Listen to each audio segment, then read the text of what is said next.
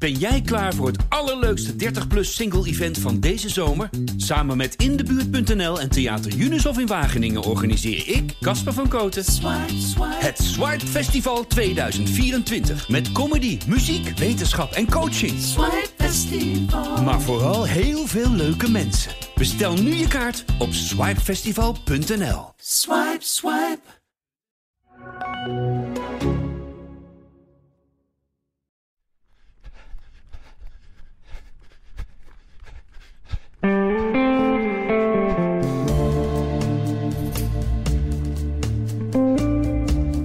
Ze werd dit jaar al nationaal kampioen op de halve marathon. En op de eerste de beste wedstrijd liep ze een zes jaar oud PR op de 5000 meter uit te boeken. Was meteen de EK en de WK-limiet. Het seizoen uh, is goed gestart voor Maureen Koster. Terwijl vorig jaar het plezier volledig kwijt was. De vraag zelfs op tafel lag of ze wel door wilde gaan met topsport. Nou, die vraag die is nu van tafel geveegd. Ze heeft het plezier hervonden bij de groep van Grete Koens.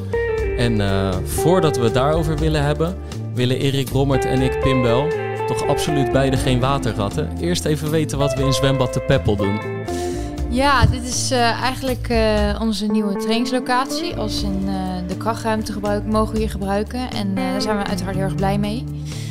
Um, ja, dus we komen eigenlijk, we zijn nu eigenlijk te vinden in Ede op de atletiekbaan, maar ook hier in de krachtruimte. En dat is eigenlijk onze nieuwe trainingsbasis. Ja, je was gelijk welkom in Ede, want er, er moest een soort locatie voor jullie worden gevonden. Grete Koens was vorig jaar nog bondscoach op Papendal.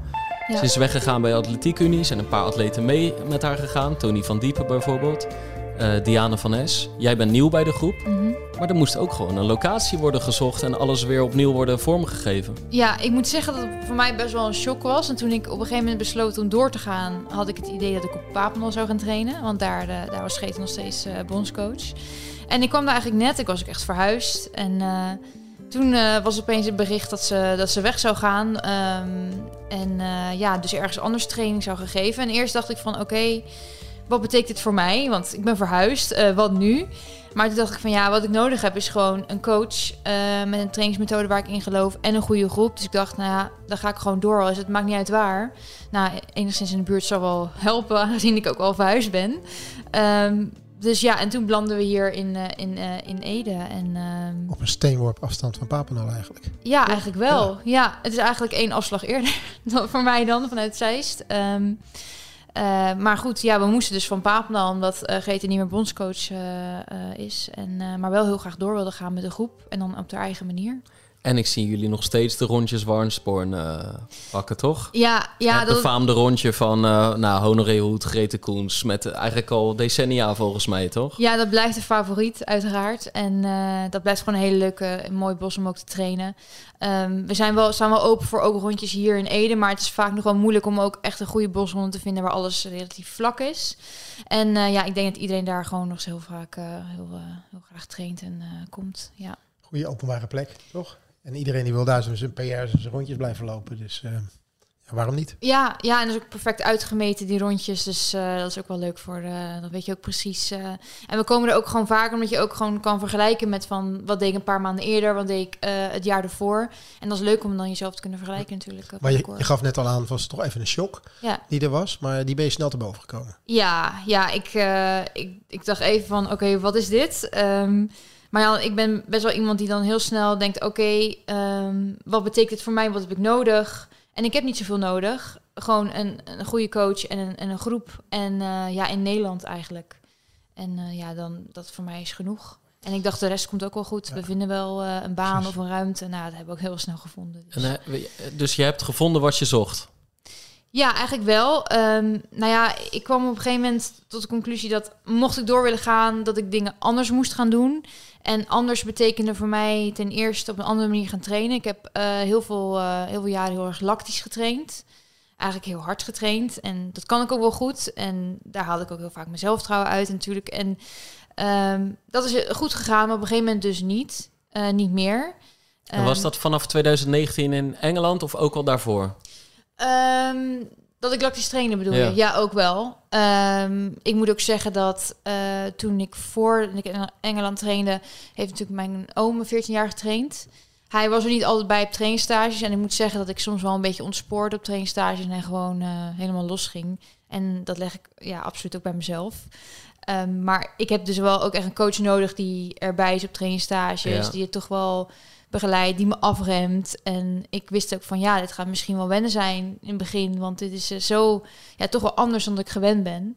Maar dat viel reuze mee. Ja, en, en remt ze je vaak af? Um... Want ik zag volgens mij gisteren, want Greet is eh, denk ik ongeveer de meest transparante lo loopcoach die er is in Nederland. Die, die gooit al jullie trainingen eigenlijk op, uh, op ja. Instagram. Hartstikke leuk om te volgen, uh, daarom ook. Heel vaak staat er subthreshold, weet je mm -hmm. wel. Ik wil ze op deze manier, mm -hmm. we gaan zuiniger mee om, want er komen genoeg wedstrijden aan. Nou nemen we deze aflevering een week op uh, voordat die online komt. Dus, dus uh, zodra deze online staat, heb je de wedstrijd in Rabat al gelopen. We zitten hier eigenlijk een midweek voor, jou, uh, voor jouw wedstrijd. En gisteren kwam er een post van ze waren niet te stoppen. Ja. ze gingen nogal hard. Ja, nou ja, de meest, duizendjes. Ja, klopt. Um, meestal wordt er lactaat geprikt, dus echt heel veel. Op trainingstage na bijna alle training, behalve dan de duurloopjes en de baantraining. En ja, als jouw lactaat te hoog is, dan ja, weet je, dan ga je gewoon te hard. Het is niet de bedoeling van een training. En dan moet je langzamer gaan. En ja, als ik op die manier train, dan in het begin had ik daar een beetje moeite mee. Dat ik dacht van ja, ik was altijd, ik train altijd heel lactisch. Dus ik had, mijn lactaat was altijd relatief heel hoog. Die is nu heel erg naar beneden gegaan. Dus en op die manier, ja, je moet ook gewoon uh, volgen wat haar visie is natuurlijk. Want ik ben niet voor niks naar haar toe gegaan. Dus het dat kon helemaal, dat gaat helemaal prima. Maar ja, er werd gisteren geen lactaat gemeten. En uh, ja, het was gewoon goed weer. En ik denk dat Diana en ik allebei voor een wedstrijd zitten. En ja, we hadden vanaf het begin allebei best wel zin in. En het voelde goed. En ja, dan kan er iets gebeuren natuurlijk. Ja. Hey, en um, je, je, geeft aan van, um, je hebt heel veel lactisch, heb je, heb je, heb je getraind. Mm -hmm. Wordt nu heel veel op gecontroleerd. Mm -hmm. um, controleert daar heel veel op. Ja. Ben je zo volgzaam in, in dit? Of, want in het verleden was je daar misschien minder volgzaam in. En, en nu... Uh, wordt daar meer op gecontroleerd. Is dat lastig voor je? Uh, nou ja, voorheen was het meer dat ik uit elke training die ik deed, probeerde ik eigenlijk maximaal eruit te halen. En um, ik, ja, ik ben naar haar gegaan omdat ze een andere visie heeft en een andere manier van trainen. Dus dan moet ik het ook wel volledig omarmen, zeg maar, om dat ook te gaan doen. Dus uh, ja, ik, ik, ik merk ook nu dat wat het doet en dat ik echt sneller ben dan ooit eigenlijk. En mijn duurvermogen ook beter is dan ooit. Terwijl ik in Amerika echt nou zo soft getraind. Ik heb een jaar niet zo soft getraind. Dus in eerste instantie dacht ik van ja, was ik wel een beetje onzeker van. Uh, ben ik in vorm voor die vijf? En toen uh, deden we één uh, training, ja, vijf keer duizend op wedstrijdtempo. En toen voelde ik, oh, dit gaat zo makkelijk. Ja, dan kan ik daar ook mijn vertrouwen uit halen. Dat ik niet altijd mezelf tot de maximale hoef te pushen om te denken van ik ben er klaar voor. Want het gaat gewoon niet altijd op. Dus eigenlijk was er één harde training ja, na, na, de, na softe weken nodig om je echt het vertrouwen te geven. Ja, want ik voelde me wel echt heel goed ja. en ik ging goed vooruit, maar het tempo op hoogte was nog steeds echt super traag natuurlijk. Ja, jullie zaten in flagstaff. Ja, ja. En, maar uh, jij, jij, geeft aan van het is soft, het is traag, maar Grete zal het daar niet mee eens zijn geweest. Want die wist waar ze mee bezig was. Ja, uiteindelijk. Maar op hoogte, zich uit. Ja, op hoogte train je sowieso kan je minder hard trainen ja, op laagte. Logisch. Dus het voelt altijd wel sneller aan, maar je doet op een gegeven moment doe je trainingen in een tempo dat je denkt, ja, dit is lang niet mijn wedstrijdtempo. En dan, ja, op een gegeven moment wil je dan ook... En je, je pusht jezelf ook niet tot het uiterste. Waardoor je wel echt, waardoor ik echt super fit ben gebleven. Voorheen op stage was ik, na drie weken was ik echt een paar dagen gewoon rust nemen. Want dan was ik gewoon een beetje op. En um, nu was het dus helemaal niet zo. En ik dacht, ja, ik voel me zo fit en alles gaat zo goed. Maar ik heb nog steeds niet helemaal het vertrouwen dat het echt... Um, ik wil echt een soort bewijs zien of zo. Ja, en dat bewijs kwam eigenlijk ja. gewoon door met wat voor gemak ja. ik zeg maar zo'n uh, zo'n zo'n training liep. Hoe, hoe, lastig was het voor je om in die trainingstages je het gevoel hebt van nou, ik, ik kan het bewijs nog niet leveren en ik ben voor mijn gevoel mm. rustig aan het trainen. Hoe lastig mm. is het voor jou om op je tong te blijven bijten en er niks over te zeggen? Uh, nou, ik dacht eigenlijk uh, van tevoren dat het lastiger zou zijn dan het werkelijk was. Omdat ik gewoon volledig omarmd heb wat we daar hebben gedaan. En soms wel mijn vraagtekens had. Maar ik dacht van ja, uh, ik denk dat dit een manier is waarop ik gewoon nog beter kan worden dan misschien dan ooit. Dus dan heb je er ook wel vertrouwen ja. in. En natuurlijk, elke atleet heeft af en toe wel even een beetje, weet je wel, um, zekerheid nodig. En ja, dat uh, is eigenlijk. Ik heb me niet echt heel erg moeten inhouden. Of dagen had ik dacht van, nou, ik doe het liever helemaal anders. Nee, dat niet. Heb je die vraagtekens geuit? Heb je er wel over gesproken met Grete of niet? Ja, ik heb wel gezegd van ja, ik voel me echt zo goed. Ik maak zoveel kilometers, maar ik ben er niet echt onder de indruk van. van je programma. nou ja, van, wat, van als ik dan voorheen kijk naar wat ik dus loop en qua tempo en zo.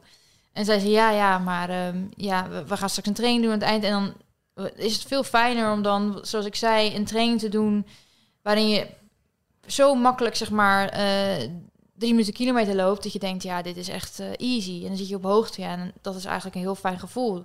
Weten als van, ja, waarom zou je jezelf helemaal pushen, ook nog eens op hoogte? Ja, zeggen ze ook van, ja, ik denk niet dat jij, uh, dat je daar ook dan zoveel beter van wordt.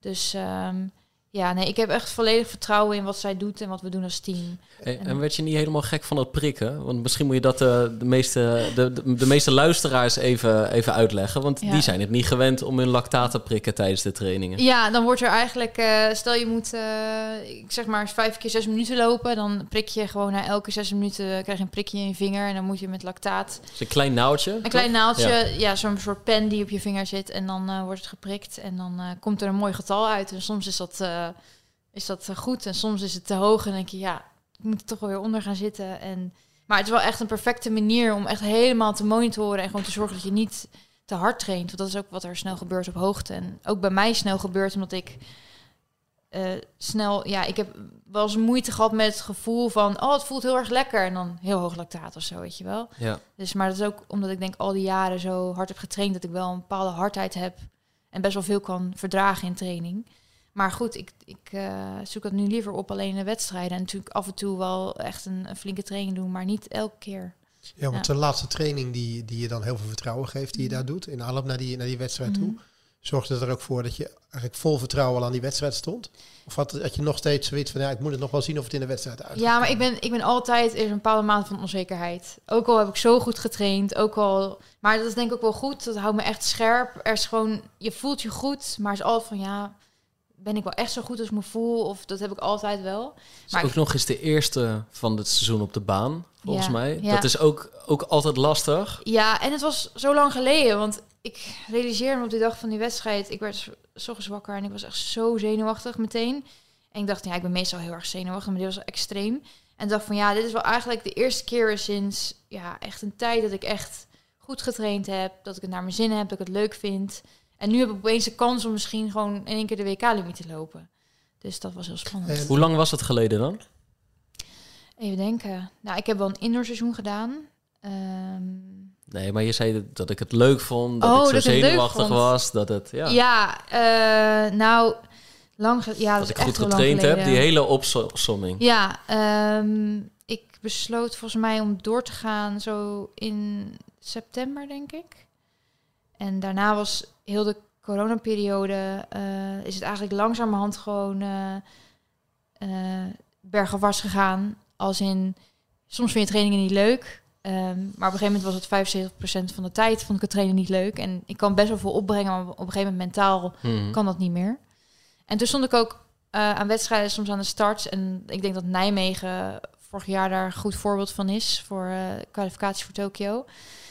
Dat ik echt dacht van ja, het kan me echt helemaal niks schelen. En ik kwam die wedstrijd, het was gezellig sfeer, maar ik voelde het ook helemaal niet. Ik voelde me niet thuis in de hardloopwereld. Ja, ik had zoiets van laten we dit doen en dan weer naar huis gaan. Maar ja, dat is gewoon niet hoe je aan de start moet staan natuurlijk. Nee, nee dat was eind mei 2021. Ja, ja. Daar liep je eigenlijk best goed, lange tijd. Ja. Uiteindelijk stap je uit. Mm. Diana van S, waarmee je nu loopt, die, die redde het wel. Die ging naar Tokio. Daarna ben je gaan twijfelen van wil ik dit nog? Uh, maar het is dus wel helemaal terug, dat plezier. Ja. Eigenlijk in vrij korte tijd. Er is waarschijnlijk heel veel gebeurd. Je bent mhm. verhuisd, je bent een andere groep. Uh, je traint anders. Maar het is wel gelukt. Ja. Je hebt het weten om te keren. Ja, nou, het is niet dat uh, in Nijmegen toen echt op zijn hoogtepunt was. Het was het jaar ervoor eigenlijk ook. Ik had gewoon periodes uh, tijdens corona dat ik echt een enorme motivatiedip. En dan ben ik wel toen met mijn vriend naar bijvoorbeeld Tenerife gegaan om een soort andere omgeving om weer een beetje bovenop te komen. En het ging dan heel erg goed. Moest wel heel erg hard trainen om. Ja, ik had echt een hele slechte winter gehad om een beetje goed aan indoorseizoen te beginnen. En dat ging dan wel relatief goed. Nou ja, dan val je weer in zo'n finale en dan kreeg ik opeens weer een enorme soort terugslag. Dat ik dacht van, ja, uh, dat, weet je, dat helpt ook niet. en um, ja, toen, ik denk in Nijmegen, toen zei ik ook direct van, ja, ik stop er gewoon mee. Ik zei gewoon, ja, ik, ik ben er klaar mee, ik stop ermee. En toen ging ik op vakantie. En ehm, eh, ja, toen wel nagedacht en echt ook gekeken van wat ga ik hierna doen. En ik vind het helemaal prima zo, ik mis het niet. En uh, zelfs een beetje een, echt een afkeer tegen hardlopen gekregen. Hm. Heb je een aantal maanden ook niet gelopen gewoon ook? Ja, ik denk dat ik drie maanden helemaal niks gedaan heb. Ik was na Nijmegen, heb ik echt niks meer gedaan. nee. Voelt dat voor een topsporter? Nou, ik vond het heerlijk op dat moment. Ja, ja, gewoon uh, tijd voor andere dingen. En, uh, uh, maar ja, op een gegeven moment dan ga je op vakantie en dan, ja, dan kom je weer terug. En dan is het van ja, wat, wat, wat ga je nu doen? Ga je nu echt stoppen? En ik was er echt nog wel van overtuigd. mijn familie en vrienden niet zo. En ik weet dat Greta mij toen een bericht had gestuurd in Nijmegen van...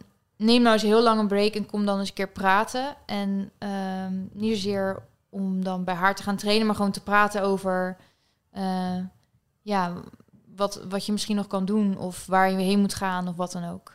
En toen had ik ook een gesprek met haar en ehm, toen uh, heb ik daar nog een keer over nagedacht. En toen dacht ik van ja, mijn hele afkeer tegen het lopen is eigenlijk gekomen door de situatie waarin ik zat, heel lang. Uh, ik was net voor corona naar Engel bij een Engelse coach gaan trainen.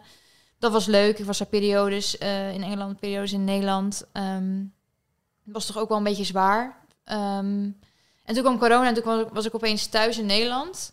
Uh, met een coach op afstand. Terwijl ik eigenlijk 14 jaar bij mijn oom getraind. Een keuze maakte om veel in Engeland te zijn. En opeens was ik terug bij af.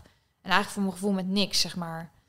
Ja, dan wordt je wereld ook heel klein. En uh, ja, toen zat. Uh, en toen, als, ook als de prestaties niet komen of de wedstrijden niet komen, dan wordt het steeds moeilijker. En um, ja, op een gegeven moment toch een soort inge, ja, ingezien dat dat ik niet echt een hekel had aan het lopen, maar gewoon de hele situatie waarin ik zat. En dat hij daarin iets moest veranderen. En uh, toen heb ik heel goed nagedacht over wat precies. En toen ben ik bij, eigenlijk bij Greta uitgekomen en uh, hier in Nederland. Weet je, herinner je je het eerste opstartloopje nog?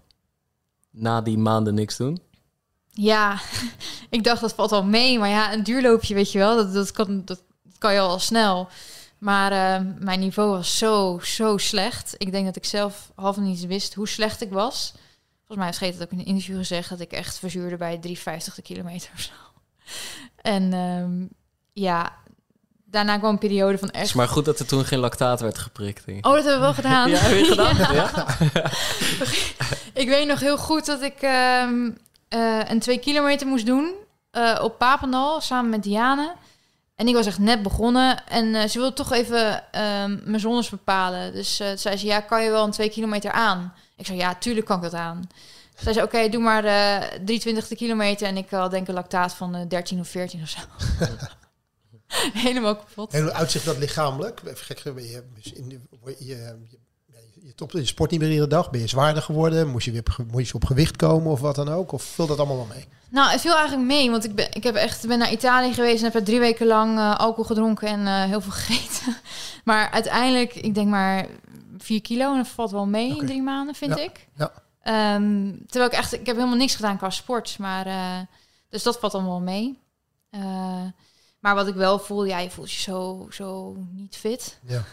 Wat hoe confronterend is dat dan? Die, dan, dan zeg je, nou die 320, die doe ik wel eventjes. Doe maar twee kilometer 320. Mm Dan komt dat eruit. Mm Hoe confronterend was dat voor je? Nou, of gaf, was het juist motiverend? Ja, nog niet zozeer, want ik dacht, oh, ik heb het binnen een paar weken wel gefixt. Maar dat was een paar maanden. een paar maanden heb ik echt helemaal achteraan gelopen. En werd ik er echt continu afgelopen. En dacht ik echt, wordt het ooit nog beter? En, uh, maar ja, ik had wel weer plezier in trainen. En dat is, dat is gewoon heel belangrijk. Ja. het is ook wel... Uh, een, uh, je hoeft natuurlijk als topsporter ook helemaal niet door te gaan tot je 35ste of 37ste. Nee. Maar ergens is het wel ja, je was 28, weet je wel? Ja. Of 28 of 29 op het moment dat je zo aan het twijfelen was. Mhm. Je bent nu 29. Uh, eh, ja, dat, dat is nogal wat. Gevoelsmatig is het te vroeg of zo. Had je dat zelf ook? Of waarschijnlijk hadden je ook je vriend en je ouders dat? Ja, ze, ik, wat ik heel sterk, wat ik niet wil hebben, is echt zo van zo'n wat als gevoel. En ik denk als ik was gestopt, dat ik misschien voor altijd zoiets had gehad van ja, wat nou als ik wel door het omgegooid en door had gegaan? Want ergens voel, voel je wel dat het erin zit, maar dat je gewoon andere dingen nodig hebt. Of dat je, ja, Dat, en inderdaad, ook leeftijd. Ik kan nog, nog een paar jaar door. En ehm, ik wil het gewoon niet zo afsluiten op die manier. Ik denk niet dat dat eh, goed was geweest voor me. Nee. Hey, en dan, dan zeg je, ik heb lange tijd achterin gelopen en het viel hartstikke tegen. Ja. Waar, waar, waar, waar, begint dat omslagmoment? Waar begin je te voelen dat de passen weer raak zijn en dat je denkt van, hier ben ik weer. Nou, is eigenlijk heel vreemd. Want ik raakte op een gegeven moment eh, geblesseerd in mijn onderrug. Had ik een, eh, een soort eh, stressreactie in mijn heilig been. Ehm, en toen was ik dus, lag ik dus even uit. Maar het was wel een periode van echt dat ik... Ja, ik, denk niet dat... toen, toen werd niet elke keer lactaat gemeten. Maar ik was wel flink aan het beuken om een beetje...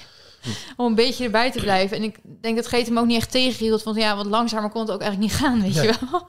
dus eh, ehm, ja, dus eh, ik raakte een beetje geblesseerd. En ehm, ik kon het wel vrij snel weer oppakken. En toen besloten we naar Portugal te gaan voor het trainstage januari. Omdat normaal gaan we naar Kenia, maar het was allemaal nog een beetje... Ja, we hadden net het team bij elkaar en we besloten gewoon naar Portugal te gaan. Dus ik had een paar weken niet getraind. En toen had ik ook COVID gekregen. En het leek wel of ik een soort... Door het uitrusten zo'n enorme boost had. In Portugal vloog ik opeens vooruit. Echt bizar eigenlijk. Dus eh, ik denk dat die rust niet heel erg slecht is geweest. Maar toen begon het eindelijk een beetje te lopen. En toen begonnen eindelijk de tijden een beetje ergens op te lijken. Ja, in januari. Ook wel, ook wel zo prettig dat dat weer. Dat dat weer Ja, dat soms heeft, zie je was een zware dat- winter. Ja, maar soms zie je dat een gedwongen blessure of, Ja. of inderdaad even gedwongen rustperiode na heel hard trainen. Ja, Dat, dat, eh, dat het misschien best wel goed is voor het lijf en het lijf daarna gewoon eh, ja, het is gebleken. klaar is. Ja. Ja, ja. Zullen we weer een sprongetje maken naar de wedstrijddag? Ja. Jij, jij, jij, jij bent dus hartstikke zenuwachtig, dat Mhm. merk je bij jezelf. Je, je denkt zelfs na over hoe lang is het geleden dat ik het op deze manier heb ingestaan. ja. Hoe zijn die uren voor de wedstrijd dan geweest? Dat, ehm, dat, dat is Ehm. tof, maar het is ook wel heel intens en verschrikkelijk. Nou, eigenlijk wel. Want ik vind een dag van de wedstrijd eigenlijk helemaal niet leuk. Nee. Want er zijn ook gewoon... Ik heb ook echt dan zo'n syndroom dat je denkt... ik heb geen zin. En ik wil liever niet. Of van, ja, volgende keer. Zulke dagen gaan door je hoofd. Is dat structureel bij jou? Ja. Ja. ja, dus eigenlijk is het wedstrijddag vind ik eigenlijk helemaal niet leuk. In de callroom zit ik ook echt van, dat ik denk, nou, echt laat het snel voorbij zijn. Echt waar? Dat is Ja, nice. ja. Maar het is ook wat ik echt nodig heb. Want ik ben dan wel echt, als ik dan met inlopen voel een versnelling van, oké, het voelt toch wel goed. Ik sta dan zo scherp van de zenuwen, van spanning, ben zo gefocust dat ik echt, dat ik dan ook het beste kan presteren. Maar is het niet zo dat iemand gewoon door ervaring, je hebt dit al zo vaak, heb je dit Ja, proces door, dat dat, dat dat minder wordt? Maar dat, eh, Nou, ik heb het op de weg bijvoorbeeld helemaal niet. Dus dat vind ik heerlijk. Als ik op de weg loop, heb ik echt geen zenuwen. En uh, maar zodra er een baan is, dan... Uh, ja, maar ik heb ook... Ik denk dat ik van mezelf ook dan hoge verwachtingen heb. En uh, ik het graag goed doe, uiteraard. En um, ja, die zenuwen, die horen bij mij wel echt bij. Als ik dat helemaal niet heb, dan, uh, dan maak ik me een beetje zorgen. Ik denk van, oh, waarom ben ik niet zenuwachtig? Want dat, uh... Nou, een gezonde wedstrijdspanning mag, maar ja. niet... Uh, het klinkt soms als een ongezonde wedstrijdspanning. Ja, ja. ja, ja, maar zo is het altijd al geweest. En uh, na al die jaren is dat, uh, is dat niet minder geworden. Maar ik denk dat die eerste vijf was wel echt extreem, gewoon omdat het zo lang geleden is. Ja. En er zijn naarmate het seizoen vordert, dan wordt het wel minder. Nog steeds wel heel erg zenuwachtig, maar dan um, kan ik ook wel wat meer van genieten. Maar het genieten is heel vaak na de wedstrijd. Ja. Niet als een startschot heeft geklonken. Nou, dan ben ik wel helemaal. Wel ja, dan, dan ben ik wel gewoon helemaal in de zone en helemaal gewoon zen.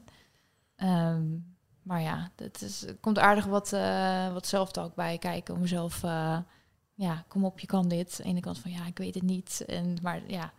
Maar ben je dan iemand die zich terugtrekt? Of heb je dan juist je coach nodig die nog wat woorden zegt? Of wil je juist helemaal niet? Um, nee, ik spreek het wel ook vaak gewoon echt uit. Als er dan iemand bij me is van, oh, ik ben echt zo zenuwachtig. Ik heb er gewoon, uh, ik heb er gewoon bijna geen zin in. Maar je bent wel aardig nog een beetje tegen de mensen. Ja, ik ben heel aardig. Ja, ik, uh, ik maak ook wel soms gewoon grapjes over de situatie en zo. Ja. Dus ik weet wel, ik, weet je, ik kan er wel gewoon mee dealen. Maar die dag was ik wel, was iedereen, was iedereen wel in het huis wel extreem stil. En dan voel je die spanning hangen. En dan denk je, alsjeblieft. Niks tegen hem zeggen. Ja. Nee, nee, ik word niet, ik word niet onaardig of. Uh, uh, nee, nee.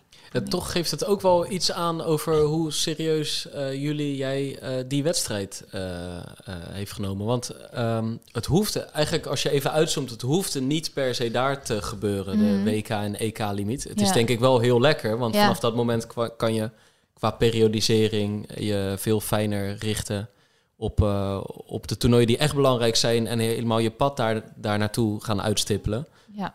Uh, maar het, het, is en meteen gelukt en jullie, hebben daar, jullie hadden hem ook echt met rood omcirkeld. Ja, nou, ik kwam eigenlijk toen we uh, in Amerika waren, toen zei uh, Grete vlak voor de stage van, ja, er is daar een wedstrijd.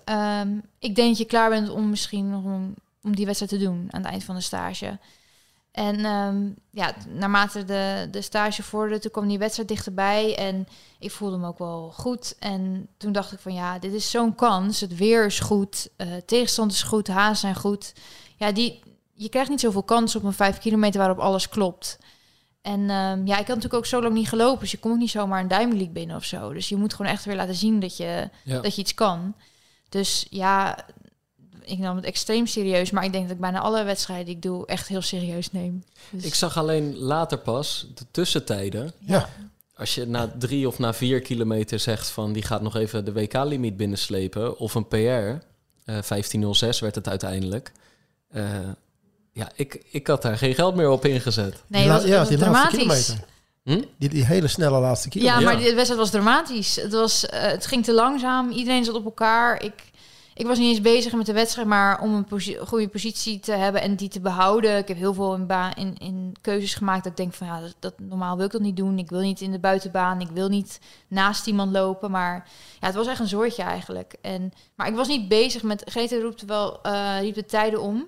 En dat wil ik ook wel. Ik wil gewoon horen. En ik hoorde wel van... Op een gegeven moment hoorde ik rondje 75. dacht ik, oké. Ja. Maar ik koppelde daar niet gelijk aan van... Het is nu verloren of wat dan ook. Um, maar op een gegeven moment zag ik wel in van... Ja, moet wel nu iets gebeuren. En eigenlijk was het pas tot de laatste ronde dat ik dacht van... Ja, nu moeten we echt even gas geven. We mochten het nog willen halen. Maar die laatste kilometer, ja, zonder die laatste kilometer had ik nooit gehaald. Grete dacht ook van ja, ik, ik dacht dit wordt een 15, 25 wedstrijd. Want, want ja, precies, want de laatste kilometer ging in uh, 2, 52. Met een slotronde van? Ja, 65. Ja, ja. Dus je hebt een, ronde van 75 en een ronde van 65 in dezelfde ja, race gelopen. Ja, dus... dus een verschil van 10 seconden, dat is, ja, dat, dat misschien kan, wel... bedoel, dat kan voorkomen op een 5 kilometer. Hè? Maar in dit geval, als je, dan, ja, als je, een, limiet, als je een limiet wil lopen, ja. Dan, ja, dan moet er op een gegeven moment ergens een punt komen... dat je denkt van, nou, er moet nu wel echt wel versneld gaan worden. anders nou, gaat het hem niet worden. Ja, nou, ik dacht... in, dat, in dat ideale veld, zoals je van tevoren omschreef. Hè? Van, alles klopt hier. Ja, maar dat is geen garantie. Nee. En, um, maar ik dacht van oké, okay, ik denk dat ik nu in staat ben om in een hele ge, ja, gelijke race met hele mooie uh, rondtijden, om dan een limiet te lopen. Maar ik denk in een race waarin het echt uh, van 75 naar uh, 70 gaat, dat ik daar moeite mee ga hebben. Maar dat was dus helemaal niet zo. En toen helemaal, als ik dan nog een laatste rondje 65 uit kan halen, dacht van ja, volgens mij ben ik gewoon echt goed in vorm. En was jij dan degene die de race openbrak? Um, ja, die laatste duizend, op een gegeven moment, ik zat best wel lang achterin. En op een gegeven moment ging ik naar voren en toen ging die duizend wel versnellen. En de laatste 500 meter ben ik gewoon op kop gaan lopen. En dacht, ja, maakt nu niet uit van hoeveel ik finish. Je moet gewoon gelopen worden. En ik ga gewoon alles geven, laatste ronde. Dus uh, ja, ik denk zonder die laatste ronde had het ook niet uh, gelukt.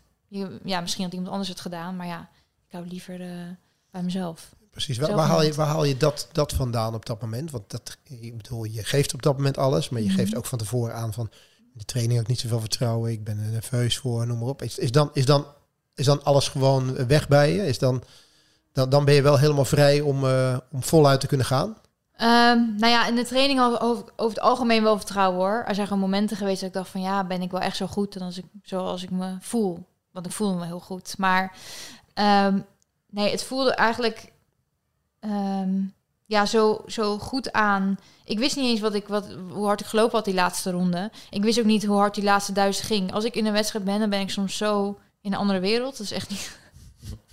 dan ben ik gewoon zo bezig met de wedstrijd. Op een gegeven moment was ik gewoon bezig met het winnen van de wedstrijd. Dus ik heb heel lang niet eens geweten van of, of wat, ja, waar, of het nog uh, waar we precies op welke tijd we zaten, wat we doorkwamen. Op een gegeven moment ja, hoor je af en toe wat rondjes, 75, denk je, oké, okay, dat is niet best. En toen even later werd het wel weer 70. denk je, oké, okay, dat gaat beter. Maar ik ga dan niet nadenken in de wedstrijd. Ik ben gewoon echt ja, gewoon alleen maar bezig met... Uh, en ook omdat de wedstrijd, omdat zo'n soortje was eigenlijk om niet uh, te vallen of dat soort dingen. Ja. Hoeveel speelt je jouw ervaring die je dan door de jaren heen hebt een rol dan in die wedstrijd? Um, ja, ik denk dat je op een gegeven moment wel een beetje weet wat je eigen krachten zijn in een wedstrijd. En uh, voor mij is het in eerste instantie ook om uit het gedrang te blijven, want ik heb nogal een grote pas. En helemaal als ik moe word, dan kan mijn coördinatie ook wel minder worden. Maar zelfs dat was nu eigenlijk ook heel erg goed, want ook dat is heel erg veranderd. Maar um, ja, ik denk dat je gewoon in een wedstrijd rekening moet houden met alle scenario's. Want alles was eigenlijk perfect. Hè? Het weer, de hazen, de, de deelnemers. Van tevoren. Ja, maar het kan ook compleet anders gaan. En ik denk als je daar gewoon rekening mee houdt, dat het alle kanten op kan gaan. Dat je daar ook niet opeens dan van schrikt of denkt van, oh, dit is echt, dit wordt helemaal niks. Dus ik denk dat dat een beetje de ervaring is uh, die ik wel op heb gedaan. Ja, want eigenlijk uh, tijdens die race ontstaan de ingrediënten voor een soort mentale uh, um, klap. Ja. Waardoor je er niet het optimale uithaalt. Ja, ja zeker. Als jij kilometer. gaat balen van die rondetijden en een kilometertijd van 307 en die gaat onder je huid zitten en je denkt ja. het wordt wel niks, ga je nooit meer zo'n slotronde eruit schudden. Nee, maar dan wordt het ook niks. Ja, precies. Als je dat, maar ja. als ik zeg maar goed in vorm ben en ook gewoon um, mentaal goed ben, dan, dan koppel ik ook helemaal geen. Dan zijn, heb ik, de gedachten die ik heb in een wedstrijd zijn vaak gewoon alleen dat ik bijvoorbeeld iets zie of ik iets hoor. Ik hoor 75, maar koppel daar helemaal geen conclusie aan of wat dan ook. Ik denk bijna niet in de wedstrijd. En ik ben alleen maar bezig met op dat moment van een goede positie hebben, zo lang mogelijk comfortabel lopen. En bijvoorbeeld van, oh, ik ben uh, nu op drie kilometer en het voelt nog best goed. Dan denk ik, oké, okay, dat, is, mm-hmm. dat, is, dat is fijn, weet je wel. En als ik me heel erg slecht voel, dan denk ik, dan denk ik daar iets over, maar ik parkeer het meteen en denk, we hoeven niet aan te denken, we gaan gewoon door. Ja. ja. Hey, en dan loop je even, nou, WK, EK-limiet, het is benoemd, maar ook gewoon een PR dat al zes jaar stond. Ja. Hey, je, ben, je, ben, uh, uh, je hebt jarenlang uh, je hebt op Papendal getraind. Je bent ervoor naar Engeland gegaan. Je bent dag in dag uit die topsporter geweest. Mm-hmm. Zes jaar lang niet de tijd verbreken, Ja. wat volgens mij jouw hoofdafstand is. Je hebt ook een snoeiharde 1500 gelopen, goede drie.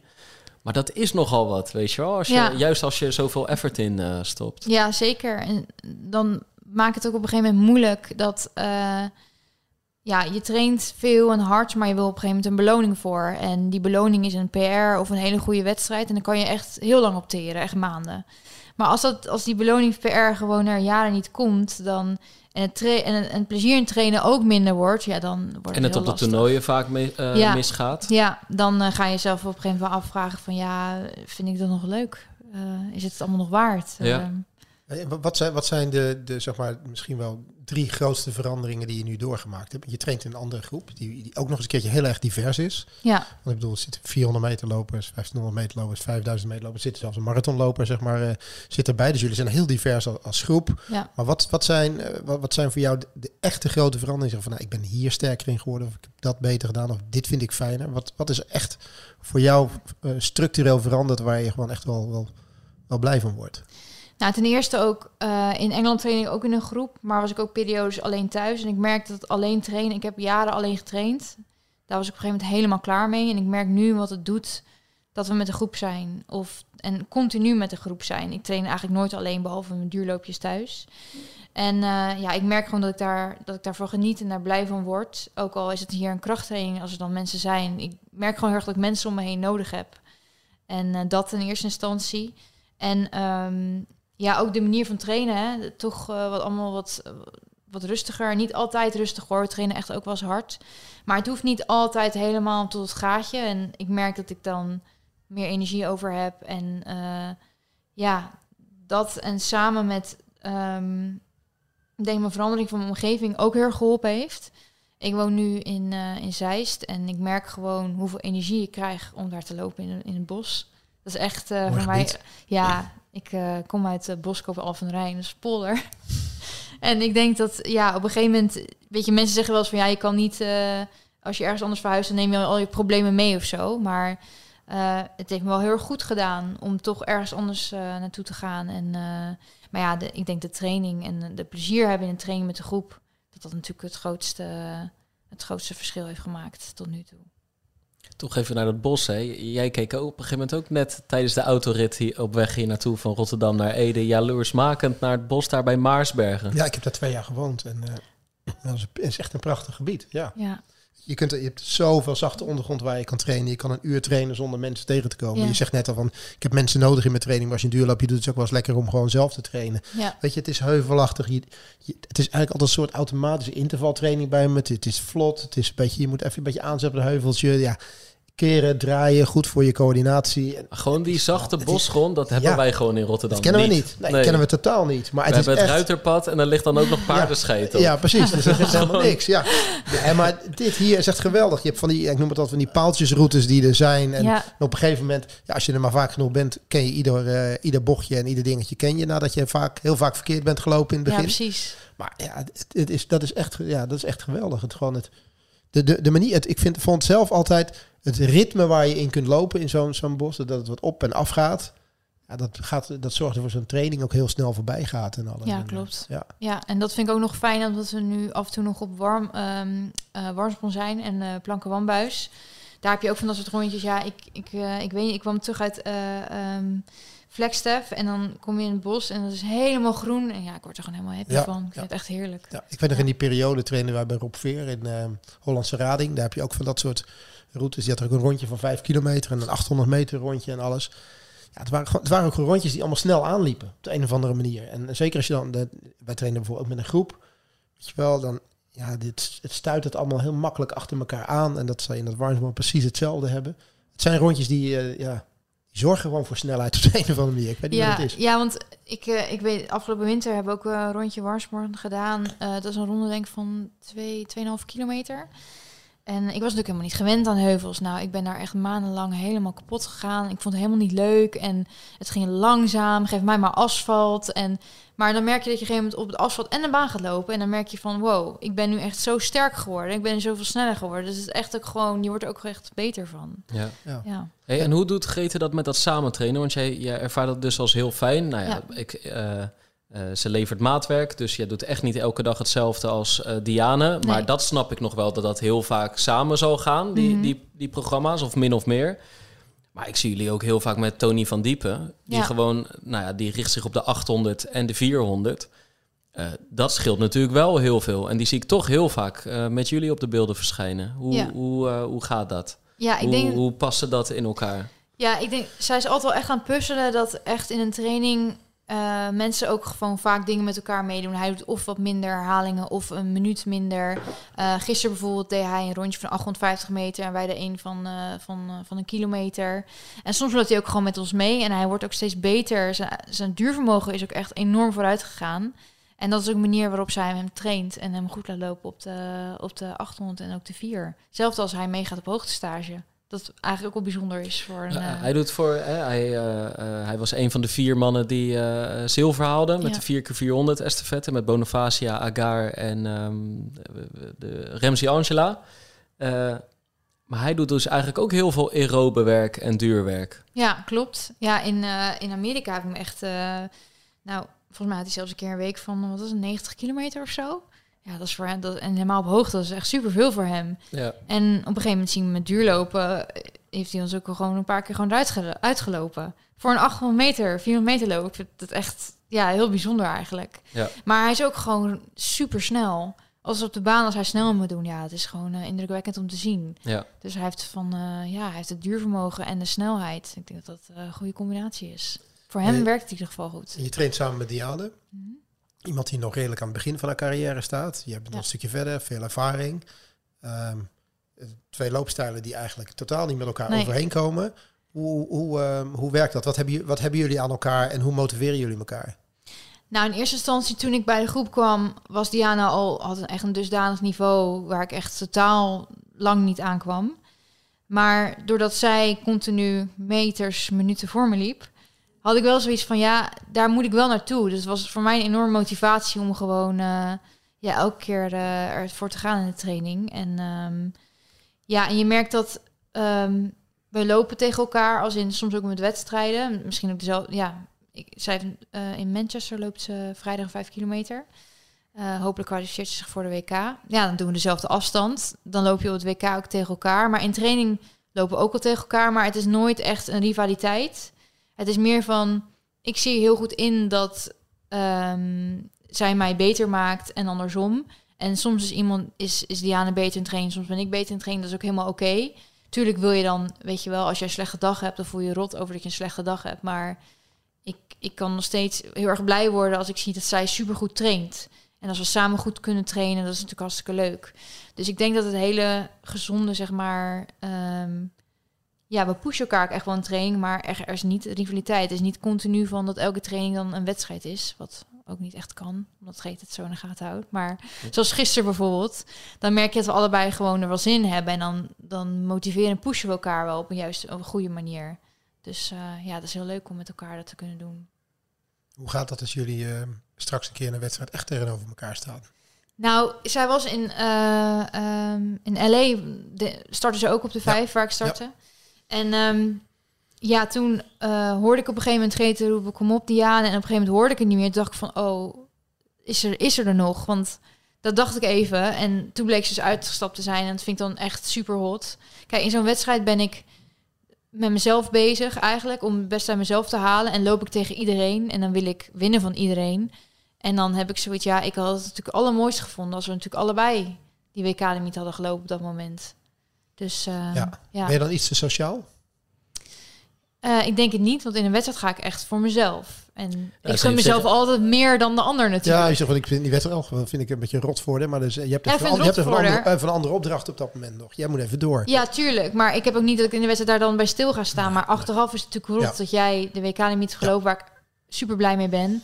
En waar iedereen ook heel erg uh, blij voor mij was. Maar dat je teamgenootje die, waar je ook gewoon die weken mee getraind hebt en uh, dus moest stoppen, dat is natuurlijk rot.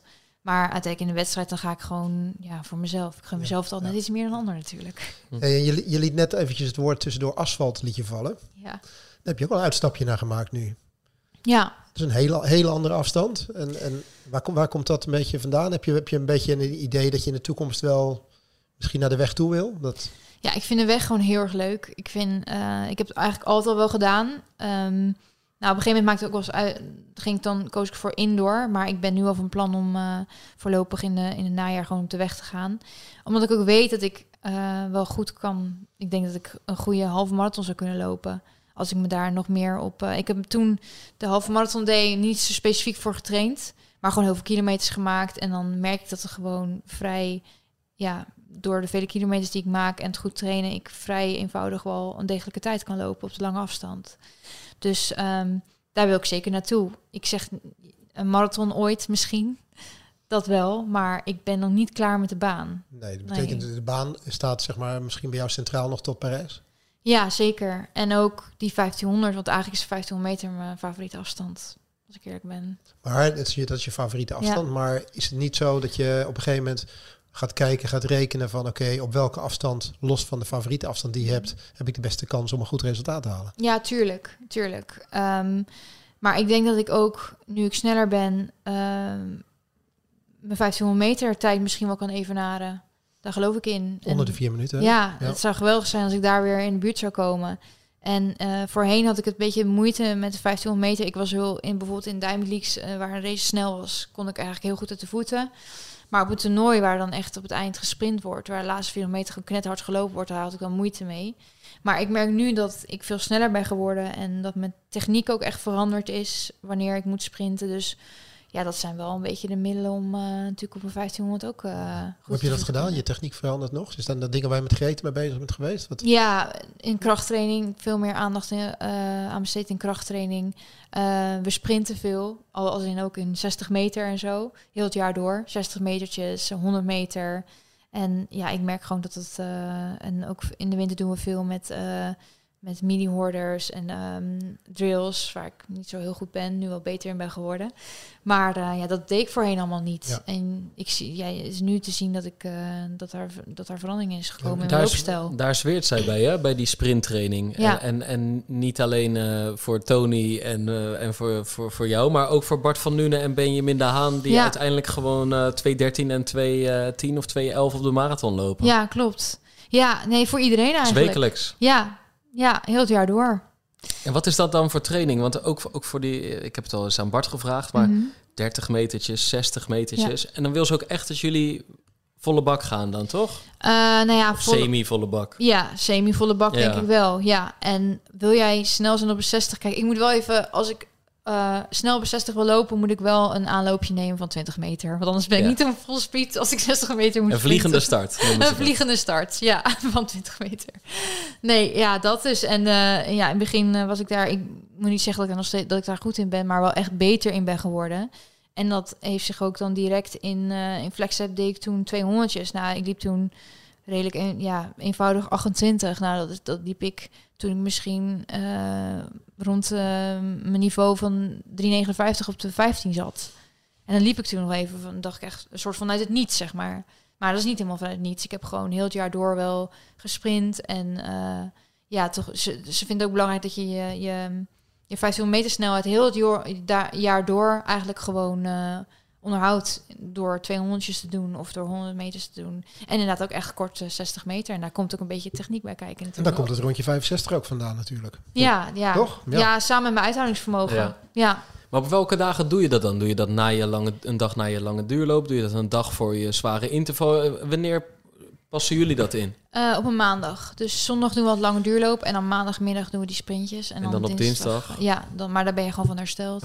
Oké, dus ja. je vraagt voor jullie geen lange hersteltijd? Nee, nee. Um, dus dan kan je op dinsdag alweer een zware interval uh, Ja, dan doen. kan je gewoon een terseltraining doen. Ja. ja, ik dacht eerst van oké, hoe werkt dat dan? In het begin had ik natuurlijk heel veel spierpijn, omdat ik helemaal niet gewend ben om zo te sprinten. Maar nu, ja, zelfs al doe je een, een 400 uh, misschien volle bak, dan ben je nog wel hersteld om de volgende dag gewoon training te doen. Ja. ja. Toch wel bijzonder. Ja, bij, bij, bij Maureen alweer net iets minder. Maar bij Bart van Nuenen en Benjamin de Haan blijf ik het gewoon bijzonder vinden. Alhoewel Benjamin ook wel een heel goede 1500 ja. uh, loopt. Ja. Een soort alleskunner. Ja, maar het zijn toch korte prikkels waar, uh, waar, ja. wat, waar, waar, misschien wel een ieder wat aan heeft. Weet je? Het kan ook in de wedstrijd zijn. Het kan, het kan een onverwachte versnelling zijn waar je op moet reageren of wat dan ook. Dus weet je, het, het zal wel degelijk een doel hebben. Ja, hey, en, en uh, um, nou ja, oké, een beetje rot voor Diane, maar jij hebt hem. Dus mhm. jij hebt dat PR. Jij hebt wat volgt er dit seizoen dan? Want volgens mij is het voor jou... Het, het, is, het is ten eerste de bevestiging dat je op de goede weg bent. Mm. En je hebt, ja, je hebt nog heel wat outdoorseizoen voor je eigenlijk. Ja. Nou ja, ik, uh, de wedstrijdplanning is wel redelijk gevuld. En ja, met twee toernooien dan uh, uh, moet je ook niet te veel gaan lopen natuurlijk. Maar ja, eerst gewoon even, nou even, ik bedoel zondag rabat, een drie kilometer. Ik ben heel benieuwd wat ik, uh, wat ik daar kan. En dan hoop ik eigenlijk daarna nog één keer een vijf te doen. Uh, eigenlijk zou ik wel graag dan onder de 15 lopen. En, maar goed, die wedstrijd is nog niet bevestigd, moet ook nog binnenkomen.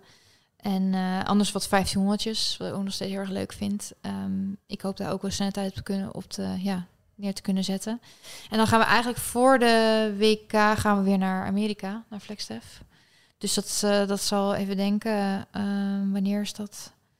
Denk 8, nee, eind juni. Eind juni, eind juni en dan ga je vanuit Flagstaff waarschijnlijk naar Eugene. ja, ja, ja. Dus uh, ja, dat is eigenlijk best wel snel alweer. Van het eind deze maand al. Dus ja. een paar wedstrijden nog op, de, ja. op het programma. Dan daar naartoe. Ja, en dan Portland. En EK. daarna nog EK. EK ja. Is ja. het, uh, uh, ga je de 5000 doen? Of zou het ook kunnen dat we je op de WK, uh, dat, je, dat we je op de 1500 gaan zien als het daarop lukt? Um, dat ligt er een beetje aan van welke wedstrijd ik kan doen en wat ik loop natuurlijk. Ten eerste moet ik de WK-limiet halen. En um, ja, de 15 zijn natuurlijk wel twee rondes. Eerst series, halve finale en dan finale. Um, ik denk dat mijn niveau op de 5 nu verhouding misschien beter is. Um, maar ja, ik heb ook niet echt nog een 1500 gekregen waarin ik kan zien van hoe het daarmee staat. Dus ik hoop wel die kans nog te krijgen. Maar het zou ook kunnen dat ik bijvoorbeeld op de EK voor de 15 kies. Maar daar hebben we nog niet echt een keuze over gemaakt. Maar ik denk dat de WK wel gewoon de 5 kilometer wordt. Ja. Ben je opgelucht dat je weer zo over hardlopen kan praten en dat het weer zo voelt? Nou, het is eigenlijk heel gek dat ik daar helemaal niet uh, goed bij stilsta. Ik ben echt iemand die dan gelijk weer, uh, weer alles wil. En deze wedstrijd doen, die wedstrijd doen, PR's lopen. Maar um, ja, ik heb wel in, in Flexstef echt intens genoten van wat ik, wat ik doe, dat ik daar ben. En dat was wel echt lang geleden. Ik denk van ja, meestal was het gewoon... Uh, ja, ga je ergens heen trainen en je traint gewoon hard, je gaat terug en dan wedstrijden lopen. Maar ik heb echt ook genoten van het proces, zeg maar. De mhm. trainingen. Ik heb gewoon gezien dat ik beter en beter word. Dus um, ja, opluchten. Ik denk dat het, de opluchting kwam eigenlijk in Portugal toen ik eigenlijk dacht van, hè, het begint ergens op te lijken. Ja. ja. Ik kan meekomen. Ja, inderdaad. Ja, ik kan uh, iets degelijks laten zien in de training. Uh, ja, toen kwam wel de opluchting en eindelijk, het wordt eigenlijk een soort, uh, ja, toen, toen ging het wel snel. En ja, tuurlijk, ik denk die vijf was wel echt een ontlading. Was niet voor niks zo gespannen, zo zenuwachtig van ja, je wilt toch, je vraagt je toch af van ja, kan ik dit nog? Of ik voel me wel goed, maar is het wel echt zo? Dus eh, nee, daarna, ik denk dat dat daarna heb ik echt weer mezelf vertrouwen teruggekregen en dacht van ja, ik denk dat ik nog ehm, misschien beter kan worden dan ik ooit was. En tegelijkertijd, uh, het zou ook weer niet elke training leuk zijn. Toch? We, we maken hier nu een soort Hosanna-verhaal van, van heel het plezier is terug. Maar ik mhm. denk met weken van 130 of 140 kilometer... na al die jaren dat je het al doet... Mhm. Zal nog steeds wel eens af en toe uh, lastig zijn. Ja, tuurlijk. Ik ben ook wel eens echt... als een training niet gaat, dan ben ik wel echt strontzagrijnig hoor. Dat is echt... Uh, ja, ik... Uh, maar ik moet zeggen, door deze manier van trainen... gaat bijna elke training is wel goed. Elke training die belangrijk is, die gaat goed... Um, mocht dat niet zo zijn, is er vaak een reden voor. En soms dan ben je wel eens dagen vermoeid. En ik kan me ook wel zelfs wel irriteren aan het feit dat ik bijvoorbeeld... Dan heb je bijvoorbeeld een rustige dag en dan denk je, ja, dan neem ik dan mijn rust. En dan opeens voel je bijvoorbeeld op een trainingsdag waarin je een belangrijke training hebt, dan ben je dan nog moe. Denk echt van, wat is het probleem? Weet je wel? Ja. ja. ik ben, zo ben ik gewoon nog steeds, zo ben ik altijd al geweest. En, maar voorheen, de afgelopen tijd was het een beetje geworden dat me allemaal niet meer zoveel kon schelen. En nu merk ik wel een beetje dat Ehm, ja, zeg maar de oude daarin wel terugkomt. Als in, ja, strijdluchtig, motivatie. Uh, ik wil gewoon alles perfect doen. En dat zijn steeds, steeds ook wel eens valkuilen. En trainingen die niet goed gaan, dan kan ik heel erg zagrijnig om zijn. Maar het is wel echt, zeg maar, de passie die ik ervoor heb. Dat mhm. merk ik gewoon, dat, doordat ik zo denk, dat ik gewoon weer enorm veel passie heb voor wat ik doe. En ik denk dat dat heel belangrijk is. Ja, gewoon zo. Het klinkt alsof het heilige vuur echt weer brandt. En dan, ja. en dan, en dan heb je bepaalde eigenschappen die ook wel echt je valkuilen zijn. Ja. Maar tegelijkertijd, als je dat niet meer hebt, het gevoel van zo, het maakt niet uit, ik heb er geen zin in. Ja, dat is pas een echte valkuil. Want dan, dan zit je op het randje van stoppen. Of, ja, uh, precies. Dus uh, die moet ik maar voor lief nemen dan. Die. Uh, ja. en die onrust is die ook een beetje weg, die in Amerika nog had van train ik wel hard genoeg en alles. Want je hebt nu eigenlijk bevestiging gekregen van dat die manier, eh, dat die manier werkt. Ja. Geeft het ook gewoon meer, meer rust in het dagelijks leven, in het hoofd en in aanloop naar trainingen? Of heb je soms nog wel eens van, weet het, mag wel een beetje harder? Um, nou, dat valt echt wel mee. Maar ik denk dat ik heb uh, tijdens corona en uh, toen heb ik zoveel onrust gehad dat ik nu eigenlijk een soort zen ben. En dat beetje onrust wat ik af en toe heb, dat is ja dat is niks vergeleken wat ik eerst had. Dus ik zit ook zoveel lekkerder in mijn vel. En ik heb vertrouwen in, in ja, wat ik zei en wat we doen. En natuurlijk wel eens onzekerheid. Als, dat ik soms. En als ik die heb, dat spreek ik ook gewoon echt uit aan Greta. Ik denk van. Dan vraag ik van, van waarom doen we dit? Of waarom gaan we niet op de baan? Of dat soort dingen. Of waarom, waarom mag die duitjes niet harder? En dan.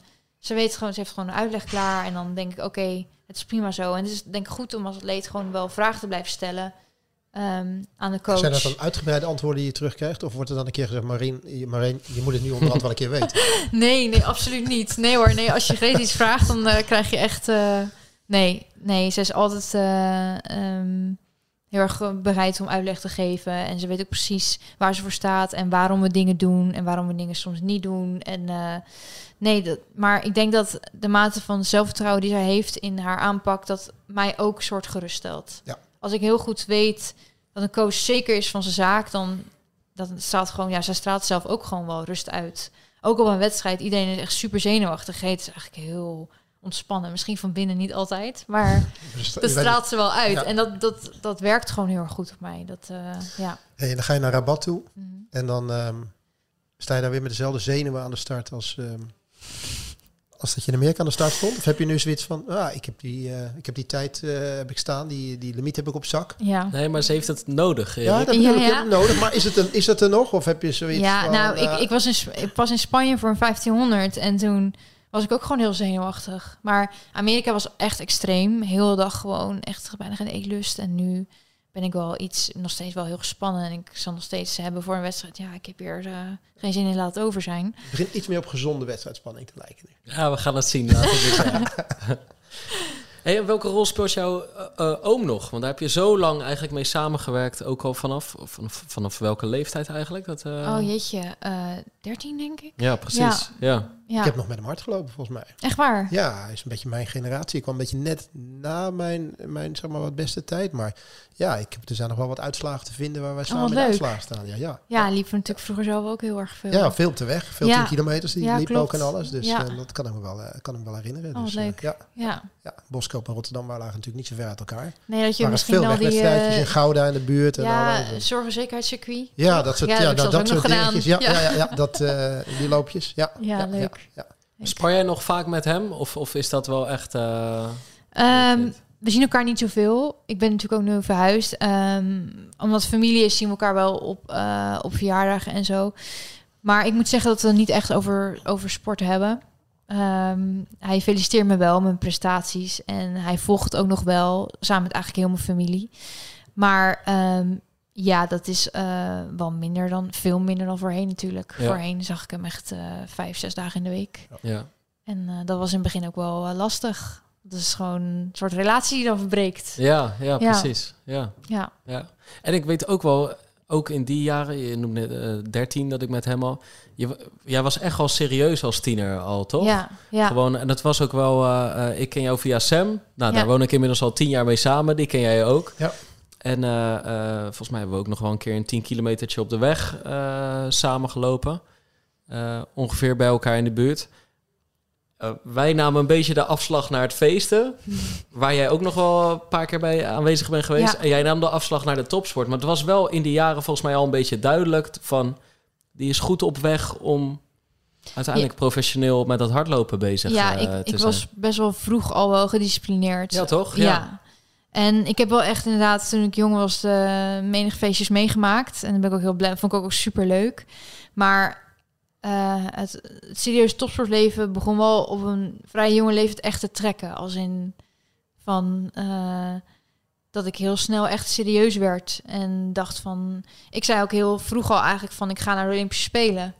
Dat zei ik gewoon. En was ik van overtuigd dat ik dat gewoon ging halen. En daar ook heel erg hard voor gewerkt. En ehm, ja, soms is die balans wel moeilijk hè, om, om die te vinden. Maar ehm, ja, ik denk als tiener dat ik wel... Op een gegeven moment is het ook te ver doorgeslagen. Dat ik gewoon echt een tunnelvisie had en dacht van... Als ik echt alles en iedereen niet meer zie en gewoon alleen mijn training doe op bed ligt, dan ga ik presteren. Maar ik ben er wel achter gekomen dat ik eh, heel graag onder de mensen ben. En ook heel graag gewoon... Ja, mijn vriend is eh, geen sporter en dat ik het heerlijk vind om gewoon me ook te begeven onder niet-sporters Ja, de meeste vrienden van me zijn ook geen, ja, los van de teamgenoot zijn, ook eh eh, meiden die ken van school en niks met topsport te maken hebben. Dus ja, ja, volgens mij is dat het is zo moeilijk als je per se wil verbeteren, gewoon grenzeloos ambitieus bent, om er dan niet helemaal in door te slaan. Ja. ja, dat- ja, het is wel gebeurd. Ik ben daardoor ook overtraind geraakt. Dus Ja. ja, ja. Ja. Ja, als je het zo bekijkt, is het ook weer niet zo gek. Hè? Als je dit fanatisme al als tiener hoort, zeg maar, dan is het ook weer niet zo heel gek dat je dan op je 27ste, 28ste een keer echt op dat kantelpunt staat van hoe lang nog. Omdat je het eigenlijk dan al 12, 13, 14, 15 jaar zo serieus mee bezig ja, eh, als je het bent. zo bekijkt is het wel zo. Want als ik nu wel eens nadenk over eh, vroeger hoe ik was als atleet en als ik nu andere atleten zie, die gaan er veel ontspannender mee om. En ik was al heel snel heel ja, ik wilde de lat leggen enorm hoog altijd. Eh, ik schreeuwde altijd tegen mijn oom van ja, ik wil deze tijd, tijd lopen. Ik wilde iedereen verslaan. Ik wilde en ik was echt bereid om echt alles op alles er, ja, ervoor te geven. Maar soms moet je gewoon dan is het lastig volhouden natuurlijk al die jaren. Dus soms moet je moet eigenlijk een beetje een middenweg vinden in van dat je ook gewoon voldoende afleiding hebt en niet continu met die sport bezig bent, want het is natuurlijk al continu in je hoofd. Het is bijna bijna nooit niet in mijn hoofd, zeg maar. Ja. Dus eh, alle keuzes die je maakt zijn eigenlijk vaak met het, met het hardlopen in je achterhoofd. Ja. En tegelijkertijd heb je misschien die jaren wel nodig gehad om uiteindelijk nu je beste jaren eh, liggen misschien nog wel voor je. Ja, nou ja, ik, ik moet zeggen dat toen ik onder vier minuten liep, de manier waarop ik toen getraind heb en zo in een tunnelvisie heb geleefd, ik weet niet of, dat mo of het me gelukt was op een andere manier destijds. Dat was in die race met Sifan Hassan ook, toch? Ja, in Ja, Monaco. Monaco, ja. ja. Dus toen, daarna in 2016 raakte ik volgens mij overtraind. Eh, maar toen heb ik er nog een schepje bovenop gedaan. Maar wat ik, omdat het ook eigenlijk nooit genoeg was. Ehm, ik liep onder vier minuten, maar ik zag een paar Afrikanen voor me die dat met twee vingers in de neus deden. Ik dacht, ja, ik ben er nog niet. Dus ik moet nog harder trainen. Ik moet nog harder. Ja, en toen, dat, is, dat gaat natuurlijk niet altijd op. Ja. En ja, dat is wel. ik denk dat, dat het nooit genoeg is. Dat is wel een valkuil voor mij. Ja. En je leert uiteraard door dan in dat soort periodes te reflecteren. En zo van misschien mag het wel een onsje minder en misschien hoeft het niet altijd meer. Uh, maar zijn er ook bepaalde personen waarvan je denkt, hey, zo ontspannen kan het dus ook. Ik kan me voorstellen dat Tony van Diepen wat dat betreft een inspiratiebron af en toe nou, kan zijn. Ja, en Diana ook hoor. Ja, ja um, Diana die kan als Reet zegt van start de training rustig op en ga er lekker in. Ik ben echt iemand die er echt heel vaak gewoon gelijk inbeukt, zeg maar. Maar omdat ik het altijd heb gedaan. En ik vond het moeilijk om dan, hè, dan moest je op je hartslagheid kijken van ja, blijf laag, laag. En zij heeft best wel een soort rust vaak. En dat werkt heel goed voor mij, want dan denk ik oké, moet gewoon rustig aan. En het is prima om later wat hard te gaan. En ik denk dat andersom zij misschien van mij mee kan krijgen in, in de baantraining die echt hard moet dan ja, dat vind ik ook echt leuk om te doen. Uh, dus ja, en zeker de, de rust die zij heeft en Tony. En uiteindelijk ben je een ander persoon. Maar heeft mij wel een beetje aan het denken gaan zetten van... ja, het hoeft niet altijd. Ik hoef niet altijd helemaal aan te staan. Ik hoef niet altijd gelijk... Ja, dus dat, dat is ook wat je meekrijgt van andere atletes. En ik, Diana is nog best jong... Maar ik vind haar echt heel volwassen in, zeg maar, in haar benadering. En als zij bijvoorbeeld een training niet kan doen omdat ze een pijntje heeft... of uh, dan neemt ze er ook echt de tijd voor. Terwijl ik, ik kan echt uh, super gefrustreerd uh, en boos zijn. En uh, ja, dat leer je dan van elkaar. En je zegt de hele dag door zit vol met keuzes die je allemaal op een bepaalde manier maakt voor dat hardlopen. Ja, ik denk na nou, dag dat... door. Ik denk wel, als je erover nadenkt, dan is dat continu. Dan bijvoorbeeld als jij een verjaardag hebt of een feestje van iemand, maar je hebt de volgende dag een, een, een hele belangrijke training, dan is het wel van, oké, hoe ga ik het aanpakken? Weet je, ik ben heel graag onder mijn vrienden en mijn familie, maar ga ik, die, ga ik hier naartoe of ga ik het nu niet doen? Dat zijn soms lastige keuzes voor mij om mhm. te maken, ja. Ja. En nou, waar, waar ik denk als topsporter sowieso lastige ja. keuzes, toch? Die ja. in deze fase van je carrière altijd moet, moet ja, maken. Ja, en je, je wil ook, ook uh, soms uh, dan weet je gewoon, dan denk je andere mensen misschien teleur te stellen omdat je er vaak niet bent, terwijl je eigenlijk wel wil zijn. En dan hoop je dat mensen begrijpen en uh, natuurlijk, je familie en goede vrienden begrijpen het wel. Maar het blijft nog wel eens lastig om bijvoorbeeld van die spontane dingen. Ja, er zit niet heel veel spontaniteit bij of zo. Ja. Dat is soms wat ontbreekt.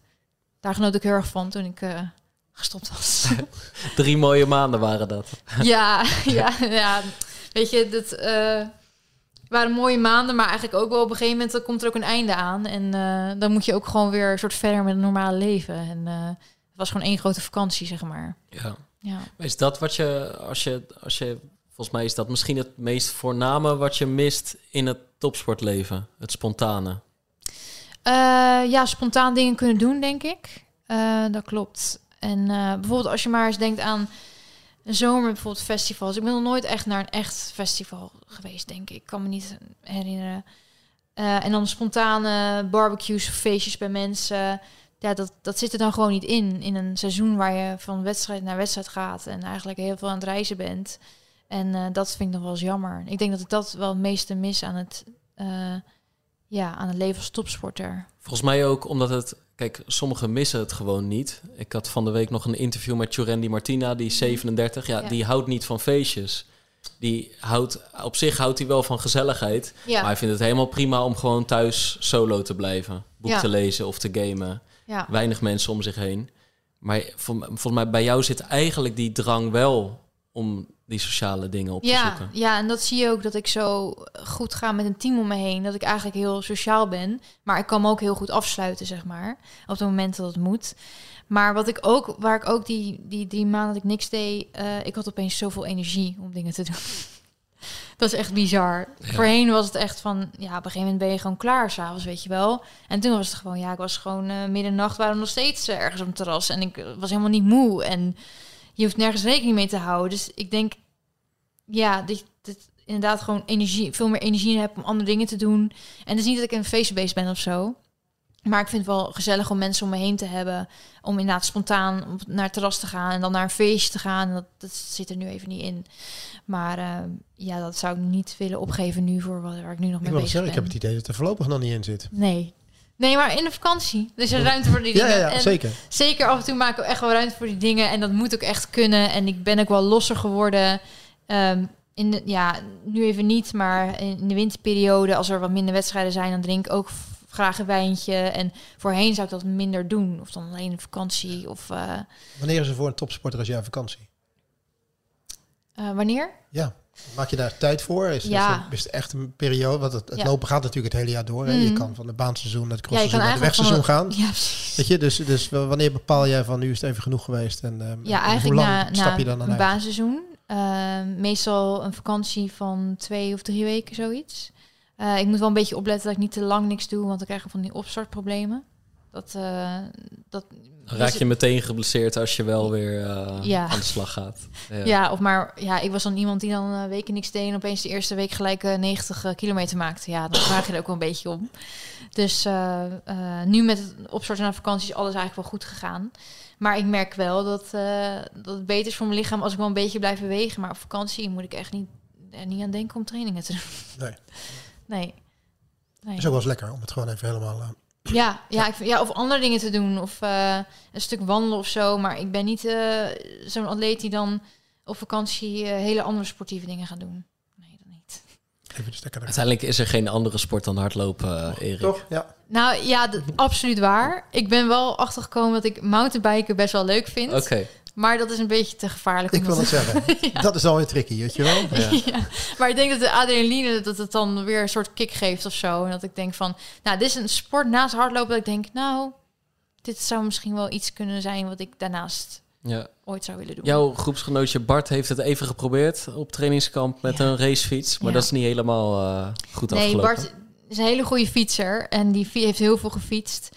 Maar inderdaad heeft toen uh, uh, een flinke valpartij gemaakt. Maar het gaat weer goed met hem. Hij is ook altijd G bezig. En uh, ja, ik, ik hoop voor hem dat hij ook dat hij misschien wel een mooi wegseizoen weer kan hebben. Want voor hem is het echt ook al maanden revalidatie, denk ik. Zo lang uit geweest. Ja. ja.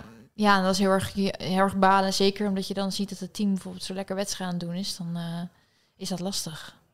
Hey, zou jij, uh, want je uh, toch nog één keer, je bent eigenlijk weken van 130, 140 aan het draaien. Je mm zegt eigenlijk, denk ik dat ik een heel goed een halve. Waarom is die droom van de marathon nooit groot geworden?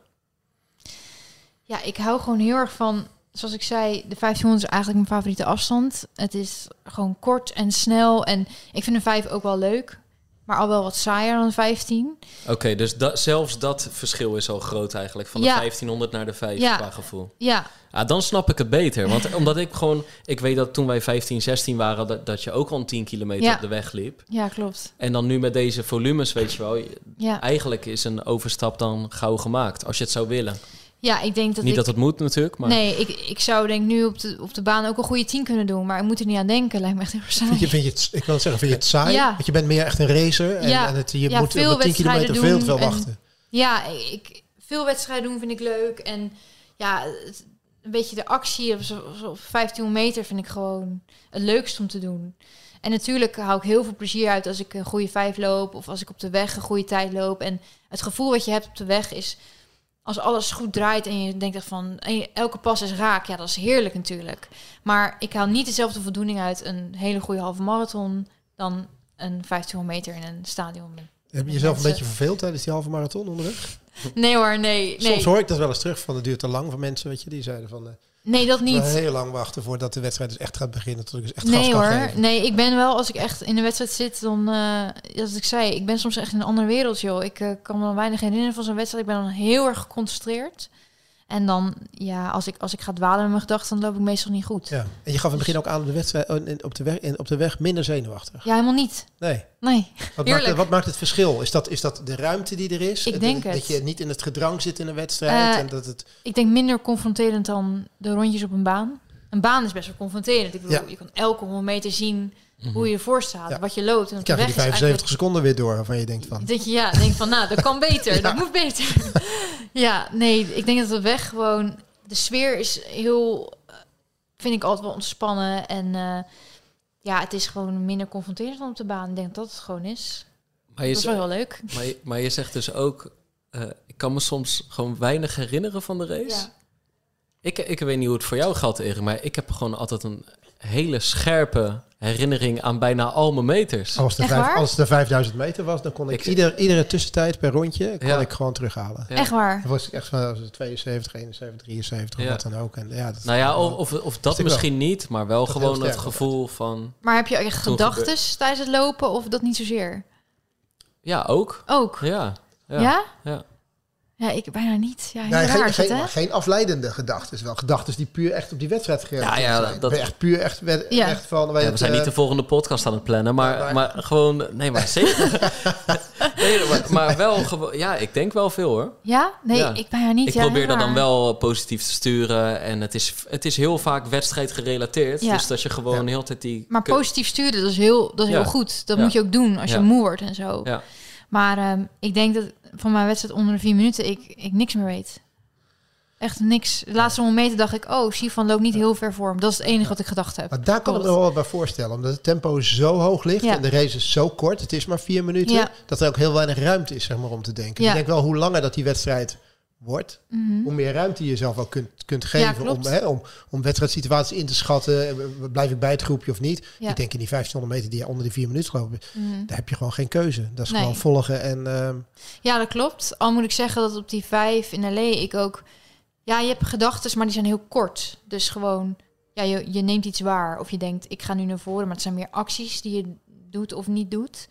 Maar ik ben niet aan het denken van... Oh, ik ben nu moe aan het worden. Of ik moet nog Nee. zoveel rondjes. Dat niet. Nee.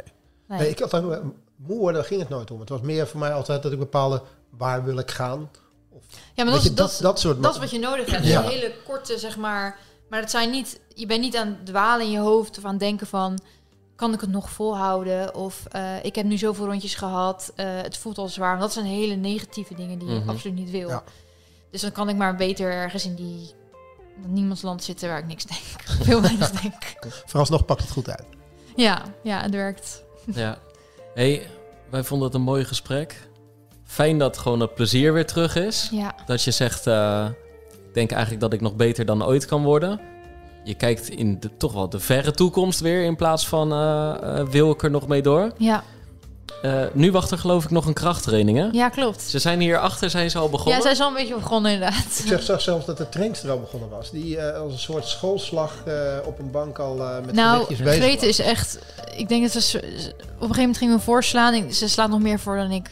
En ik sla niet veel voor, maar ze is echt goed in krachttraining. Ja. En heel sterk. Ja, ik kijk Ja. hier zo schuin door het raam heen en ik heb al wat voorbij zien komen. Maar ze, ze, doet, ze doet ook al wel wat voor training. Jij hebt het beste uitzicht. Ik heb het beste uitzicht. ze doet alle, alle oefeningen doet ze eigenlijk voor. Want sommige Ja. dingen zijn zo complex opgeschreven. Dat ik denk van, wat is dit? En dan doet ze het perfect voor. En dan doen wij daar de Ja. weken van training over om het eh, perfect na te doen. Ja, precies. Maar Weet- alles, alles, staat, eh, alles staat in gereedheid. Hoor. Alles staat klaar. Weet je al wat je moet doen of ga je het zo pas horen? Eh, nee, ik heb een schema. Ik weet wat ik moet doen. Dus eh. Je ziet er redelijk ontspannen uit, dus niet echt nerveus voor. Dus het is. Het Nou, misschien wat- als ik wel eh, gespannen nerveus ben, dan eh, wordt het extra goede training. Maar Maar... in ieder geval geen atleet die er geen zin meer in heeft. Volgens Nee. mij eh, liggen echt de beste jaren nog voor je. Ja, ik hoop het. Ja. Ja, Dankjewel.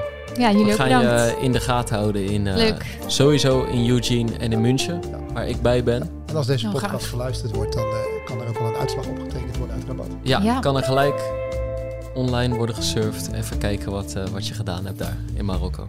Dankjewel. Jullie bedankt. Trouwens, ik vergeet, Ja, ik wilde zeggen, Hey, blijven we nog ik luisteren? vergeet voor het eerst in drie jaar nog af, de, de, de, de aflevering nog meer af te sluiten dan we al gedaan Ja. hebben. Eh, blijf luisteren, blijf lopen en tot de volgende Pacer. Precies. Dit is de gevreesde zoemer die na 60 seconden pitchen afgaat.